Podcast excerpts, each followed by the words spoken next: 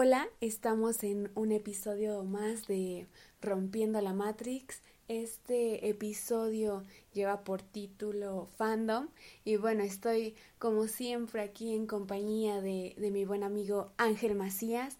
Ángel, ¿qué tal pinta la semana para ti? Vamos iniciando esta semanita. No sé, a mí se me está pasando súper rápido la semana.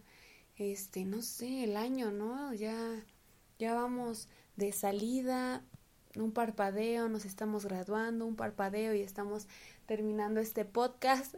Pero bueno, Ángel, ¿cómo estás? Platícame. Hola, hola, ¿qué tal? Eh, nuevamente en esta semanita, un lunes bastante...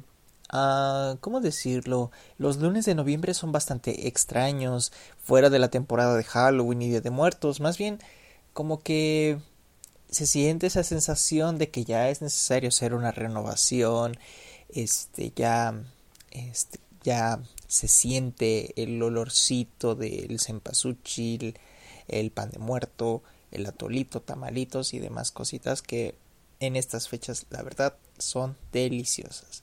Ahora sí que, ¿cómo te ha ido, Fanny? Um, este, me, me agrada volver a estar en este espacio. Ahora sí que siento que cada semana se hace pequeña, se hace corta. Cuando me doy cuenta ya estoy aquí nuevamente contigo en este espacio hablando sobre lo que el mundo de la cibercultura, estos términos digitales que día a día vemos tan comunes, pero que a los ojos de las ciencias sociales son mucho más complejos e interesantes de estudiar. Fíjate que, al menos ahorita reflexionando sobre el tema que vamos a abordar el día de hoy, pues basta, eh, ahora sí que es un tema que yo he estado muy muy inmerso desde muchos sentidos, como bien mencionaron unas lecturas ahí este, sobre fandoms, youtubers, este, ¿qué más? películas y demás, pues realmente es un mundo bastante fuerte que incluso, eh, ¿cómo decirlo?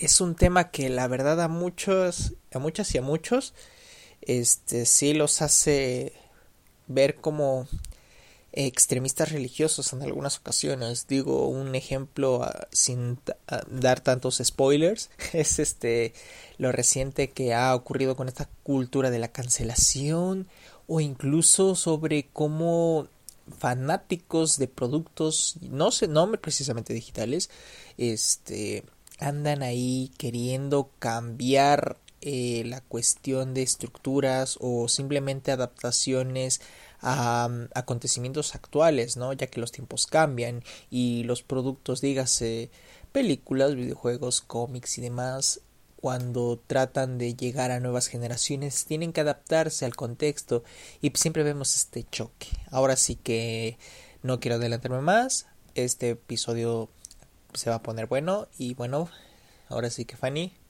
¿qué tal? ¿Lista para comenzar? Así es, Ángel, y es que bueno, para empezar a desmenuzar todo esto que comentas, los fanáticos, las comunidades, este el fandom y toda esta cuestión, hay que eh, dejar claros los términos, ¿no? Que en realidad eh, son muy sencillos. Todos hemos escuchado eh, los términos este, fanáticos, fandom, fans y toda esta cuestión, ¿no? Pero el fandom es el grupo de aficionados de un determinado producto cultural. Y lo que une a estos aficionados en su propio fandom, pues es el común denominador, ¿no? El común de, su afición. Ellos comparten, pues sí, es este gusto, esta eh, afición, es la cohesión de ese grupo. Sí, así es. De hecho, como ahora sí que de manera más sencilla, eh, pues ahora sí que es esto que nos une a varios este fanáticos o incluso no, no precisamente fanáticos a veces solo eh, la comunidad dependiendo de qué sea se identifica bajo un nombre. Eh, yo he estado en comunidades de fans de, de bandas de músicos cuyo cuyo nombre adquieren mediante una canción un disco una frase este, por ejemplo, yo estoy en el fandom de Green Day, que pues ahora sí que nos conocemos como idiots, y pues ahí ahora sí que una de las cosas buenas de este tipo de espacios es de que hablamos sobre el gusto en común y conocemos gente. Digo, yo realmente eh, por esta por esta comunidad he conocido la verdad a gente muy muy chida de Ciudad de México. Ahora sí que pues ahora sí que ha sido como algo bastante cool porque digo pues llegar a la gran ciudad así como así y digamos este paro que te ofrecen estas personas que viven ahí es como de oye se dio un, un conecte chido por decirlo así gracias a un gusto en común y eso es algo muy genial pero igual existen otros casos como los que te puedo platicar de um, Ricky Morty por ejemplo que ellos o sea, maneja como la serie maneja una premisa un tanto intelectual. A veces el fan se vuelve algo tóxico que tiene el derecho de pisotear, insultar a otras comunidades o incluso a otros fans con por el simple hecho de no entender que lo que ellos entienden. Y es que es curioso que ahorita te mencione esto porque a decir verdad, este el fandom, o sea, de acuerdo con lo con lo que yo vi hace poquito en la lectura, en una lectura, en un artículo, perdón, este está, está mencionando acerca de la eh, desde lo digital y ahora sí que yo lo que me refiero es un poquito más hacia lo presencial, lo tangible, por decirlo así, pero que pues más adelante podemos verlo en lo digital, ¿no? Pero mientras te comparto esto porque sí es muy curioso, es muy este interesante ver cómo este, muchas, muchas personas se unen bajo esto. Y es que realmente pertenecer a un fandom implica más allá de solo gustarte algo, como bien mencioné, sino también va ligado al hecho de que tengas estas, este, fuck, ups, alguien me está solicitando de mi fandom, ah, no es cierto, incluso, bueno, ahorita aprovechando el book de la, de un mensajito de Instagram, también tengo un proyecto este digo para como hacer un poquito de propaganda. Este tengo un pequeño proyecto de plantas en la cual precisamente estoy creando una comunidad donde abordamos el gusto, el intercambio y es bastante interesante, pero bueno, em, creo que quizás ya me perdí un poquito en el tema, pero en sí a lo que voy es de que los fandom, o sea, te identificas con ellos, ya, ya me acordé. y, eh, el fandom se crea porque tú tienes emociones y sentimientos. Yo en lo personal digo con Green Day no solo es, ah, me gustan sus canciones, sino como que igual me han ayudado a, a como a tener momentos en mi vida que han sido importantes. Uno de ellos es de que me ayudaron a escoger eh, lo que yo quería estudiar, eh, la licenciatura, que, ¿cómo se llama? Que incluso me llevaran a decir, ah, pues quiero ir a Ciudad de México a ir a los conciertos grandes, a pesar de que no tenga tanto chance de ir, o incluso de, pues, ¿por qué no ponerse un poco punk en el, la cuestión del sistema? De decir, oye, este critica algo que no porque sea oficial significa que está bien. Y ese tipo de nociones surgieron a partir de un gusto que quizás muchas personas comparten y que hacen que podamos conectar y hablar, de decir, oye, pues me gusta esto y esto y otro, y está muy chido, o sea, fíjate ahí cómo, cómo está la cosa, ¿no? Y eso te lo comparto porque con esto creo que podemos empezar a profundizar mucho más, que todavía nos falta tocar el punto virtual, pero ahora sí que este siento que es un muy buen comienzo para este episodio de este lunes de este lunes 11 de octubre. Ahora sí que la verdad, la verdad es un agasajo este tema. Bueno, los temas que hemos hablado son bastante interesantes, pero realmente siento que este es como un poquito más ahora sí que en lo personal me pega muchísimo más directo. Jeje. Así es, Ángel, y es que, bueno, con la llegada del Internet, eh, pues sí, hay un punto de quiebre, ¿no? Hay un disparo de todo lo, esta cuestión de las comunidades, eh, de las comunidades de fans, que pues sí pasan directamente a medios electrónicos, ¿no? Como su principal medio. incluso los clubs locales se organizan a través pues de la red. Bueno, con la llegada del Internet, eh, pues sí, hay un punto de quiebre, ¿no? Hay un disparo de todo lo, esta cuestión de las comunidades, eh, de las comunidades de fans, que pues sí pasan directamente a medios electrónicos, ¿no? Como su principal medio. incluso los clubes locales se organizan a través pues de la red. Pero a pesar de esto, o sea, hay que dejar claro que el fenómeno del fandom, pues no nació eh, precisamente de la web ni de lo digital, bueno, la digitalización, pues, sino que en 1930 eh, pues empezó esta onda de los fans, de, este, de, esta, de estos grupos, ¿no? Eh, de clubs, de, de, asociaciones, perdón. Este, e, en cuanto a bueno, más bien afines a la ciencia ficción y esta cuestión de fantasía. Eh, se dio en Europa y en Estados Unidos. Y ya para 1939 se celebró en Nueva York la primera convención.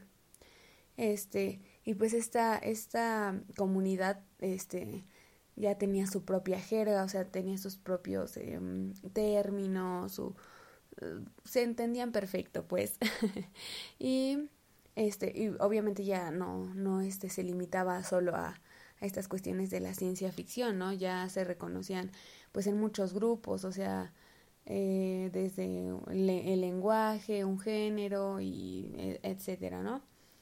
Y es que sí, porque realmente, eh, bueno, yo diría que, ah, bueno, añadiría con lo que has dicho al respecto, eh, sería que ah, la manera de identificarse y unirse ha ido transformándose, porque en efecto el, dato histórico que acabas de mencionar, este, sin embargo, recordé otras cosillas relacionadas con, o sea, es que en serio me llama mucho la atención y tiene mucho que ver la cultura de la cancelación.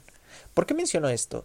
Porque fíjate que desde siempre, o sea, antes, digamos, en los en las cadenas, dígase de cómics, películas, etcétera, eh, los fans se han unido para a veces solicitar contenido acorde a sus gustos y necesidades, incluso para exigir espacios, este, dentro de obras, dígase, por ejemplo, para hacer una trama. Es que no tengo ahorita presente como qué acontecimiento pasado pudo haberse digo, tenido relevancia que digas un fandom este fue y protestó a una cadena, una empresa, lo que sea, que pues este para solicitar un cambio para pues, que pasara algo, no no sé, o sea, porque tan solo o sea, he visto como o sea, tengo como nociones, pero sin embargo no tengo algo en concreto, ¿sabes? Y es que es curioso porque a eso se ha transformado al de hoy en día que pues como todos tenemos el acceso a internet, dígase mediante una tablet, un teléfono, una computadora, pues es fácil estar ahí en un anonimato que nos permita eh, hacer que nuestra ideología hable, que nuestros gustos eh, transformen los mensajes que queramos decir y pues sobre todo este exigir o hacer algo al respecto. Digo, tenemos este caso de que últimamente gente que creció en los estándares de su época se quejan de que hay una inclusión forzada cuando en realidad pues los productos se cómo decirlo se transforman a los tiempos como hace ratito se mencionó y pues realmente ahí vemos como el fandom está uniendo todo esta este conjunto de emociones pensamientos para una causa. Y es curioso cómo transforman los medios o los medios se van transformando y podemos ver esta estas manifestaciones. Digo es es genial porque pues, bueno es genial porque vemos esta evolución sin embargo a veces es muy tóxico porque a veces te llena demasiado te intoxica con esta negatividad. Digo en lo personal me ha tocado ver con fans mm, de bandas pues que sí tiran mucho, este, mucho bardo a que no te guste algo o que opines diferente y así es como de, oye, casi, casi, si pudieran te lincharían, pero como no lo hacen, porque pues obviamente estamos en una plataforma digital y por tanto no es posible, pues ahora sí que existe esa libertad de poder agredir o hacer sentir mal. Y es algo muy, muy complejo porque Tan solo ha ocurrido que hay casos en los cuales hay gente que ha pasado la raya, incluso no sé si te has enterado de este de esta página llamada 4chan en la cual si tú te metes y dices algo que no, capaz y te casi casi te andan ahí haciendo que te mudes de casa porque la gente es demasiado intensa ahí, demasiado obsesiva, demasiado compulsiva. Y digo, ellos a diferencia de lo que te lo que hemos estado platicando, este ellos son más como que el, eh, no tanto el fandom sino la comunidad desde el anonimato, desde la ¿cómo se llama? Desde la imposibilidad de ser atrapado, ¿sabes? Porque al fin y al cabo están en una red social y muchas veces esos espacios ocultan a gente pues de lo peor, ¿no? Y que realmente estos espacios les brindan la libertad de hacer las cosas que pues en, vida propia o bueno en algo real tangible digamos sales a la calle y no lo van a hacer y si lo hacen pues o sea, correrían muchas eh, enfrentarían muchas consecuencias de sus actos.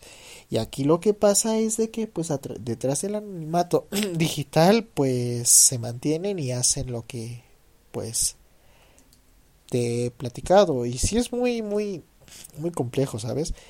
En lo personal, pues ahora sí que los fandoms son divertidos, son agradables, siempre y cuando lo mantengas en lo sano. Pero pues para aprender ello, pues normalmente tienes que tener un cierto, ¿cómo decirlo?